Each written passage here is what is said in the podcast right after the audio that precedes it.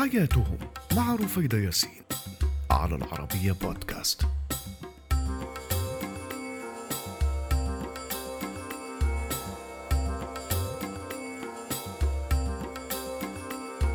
مرحبا أنا رفيدة ياسين وهذه هي حياتهم على العربية بودكاست. واليوم الرحلة إلى باكستان.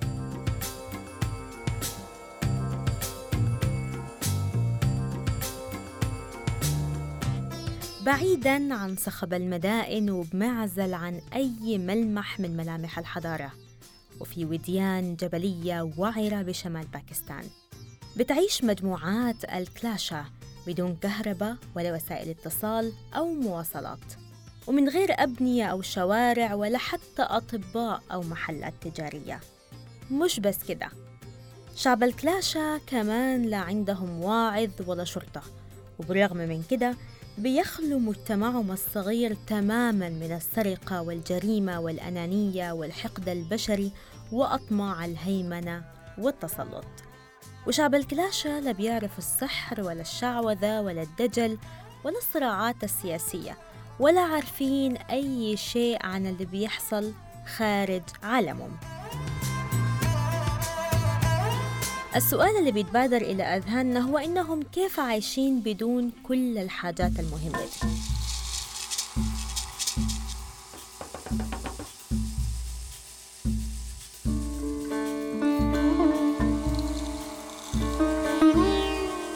بينحدر شعب الكلاشا من أصل هندو آري ويعتبر القبيلة الوحيدة الباقية من هذا الأصل. منطقتهم موجودة في باكستان بس محاذية لأفغانستان وتاجكستان وبيتوزعوا على ثلاث وديان ضمن مقاطعة تعرف باسم تشترال المجاورة لمنطقة شمال أفغانستان. نساء الكلاشا مشهورين بالجمال الساحر لدرجة عندهم اعتقاد سائد عبر أساطيرهم الممتدة بأن المرأة نصفها حرية ونصفها بشر. وما عندهم فصل بين الجنسين في التعامل ولا تفرقة بين الرجال والنساء. وأهم ما في عاداتهم الغريبة والعجيبة إن المرأة هي اللي بتختار زوجها ومن حقها إنها تغيره بكل سهولة إذا ما اقتنعت به بعد ما تجربه.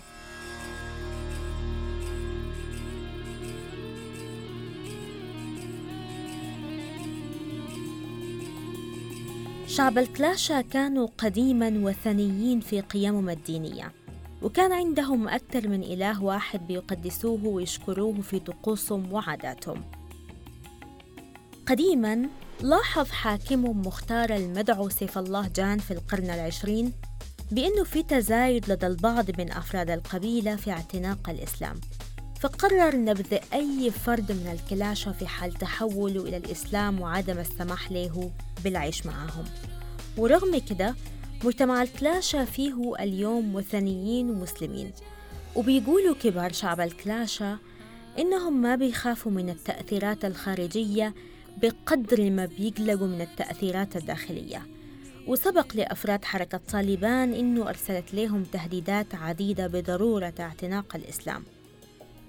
بس الحماهم من كل التهديدات دي قرر المحكمة العليا في باكستان كونهم أقلية وبيحميها الدستور الباكستاني ولهم الحق في معتقداتهم زي أي مجموعات أخرى بتعيش في البلاد.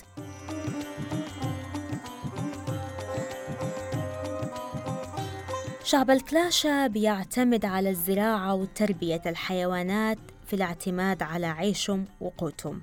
وآخر تعداد بيشير لأنه أعدادهم بلغت ستة آلاف نسمة.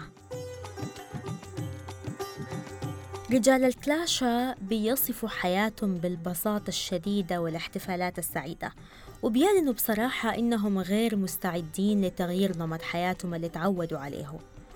وإنه ما تفعل النساء من اختيار للزوج هو أمر علني أمام الجميع وبيتم اختيار الرجل من قبل المرأة بشفافية مطلقة وحسب رغبتها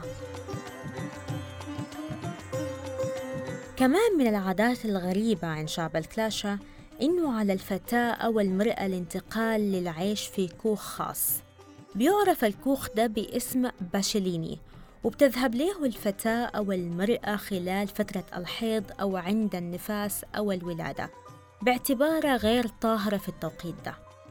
ويحق للمرأة أو الفتاة مغادرة الكوخ حال عودتها لحالتها الطبيعية أو عند العودة لطهارتها بحسب معتقداتهم.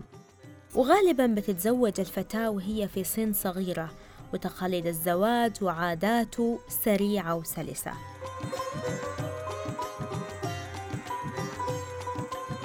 من العادي جدا والطبيعي إن المرأة في شعب الكلاشة من حقها تفر من زوجها للعيش مع رجل آخر. إذا كانت ما رغبة في إنها تستمر معه. وبيتم تسوية الخلافات في حال نشوبة بين الزوجين من خلال طرف وسيط. وبيتم في العادة تعويض الزوج بضعف ما دفعوا للمرأة من مهر. ووقتها بيحق للزوجة إنها تختار زوج جديد بطريقة أكثر تعقلا.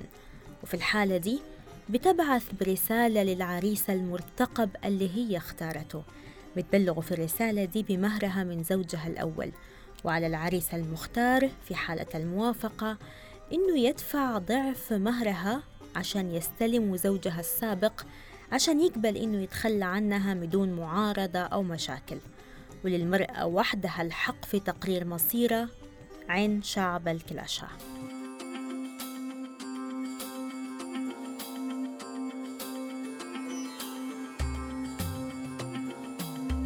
الكلاشة عندهم ثلاثة أعياد معروفة. أولا هو الاحتفال بقدوم الربيع وبيتم في منتصف شهر مايو من كل عام. والاحتفال الثاني بيكون في الخريف والثالث في منتصف فصل الشتاء. وبيستغرق أسبوعين وبيمثل انتهاء موسم الزرع والحصاد. وبيتخلل العيد ده رقص وغناء واحتفالات ونحر للماعز لإقامة ولائم كبيرة.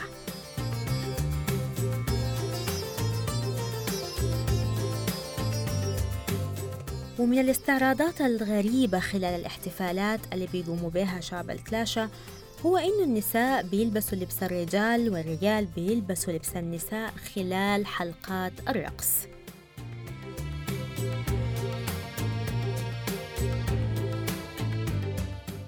الأجواء الاحتفالية عند شعب الكلاشة ما مرتبطة فقط بالأفراح بتكون برضو ضمن طقوس الموت.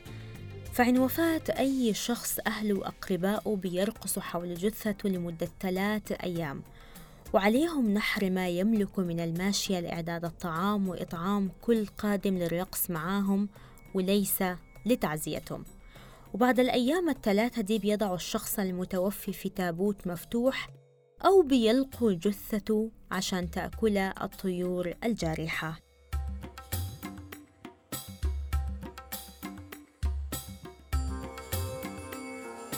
شعب الكلاشة بيتحدثوا لغتهم الخاصة بهم وبتعرف باللغة الكلاشية وهي لغة ما كان عندها حروف معروفة لغاية القرن الماضي.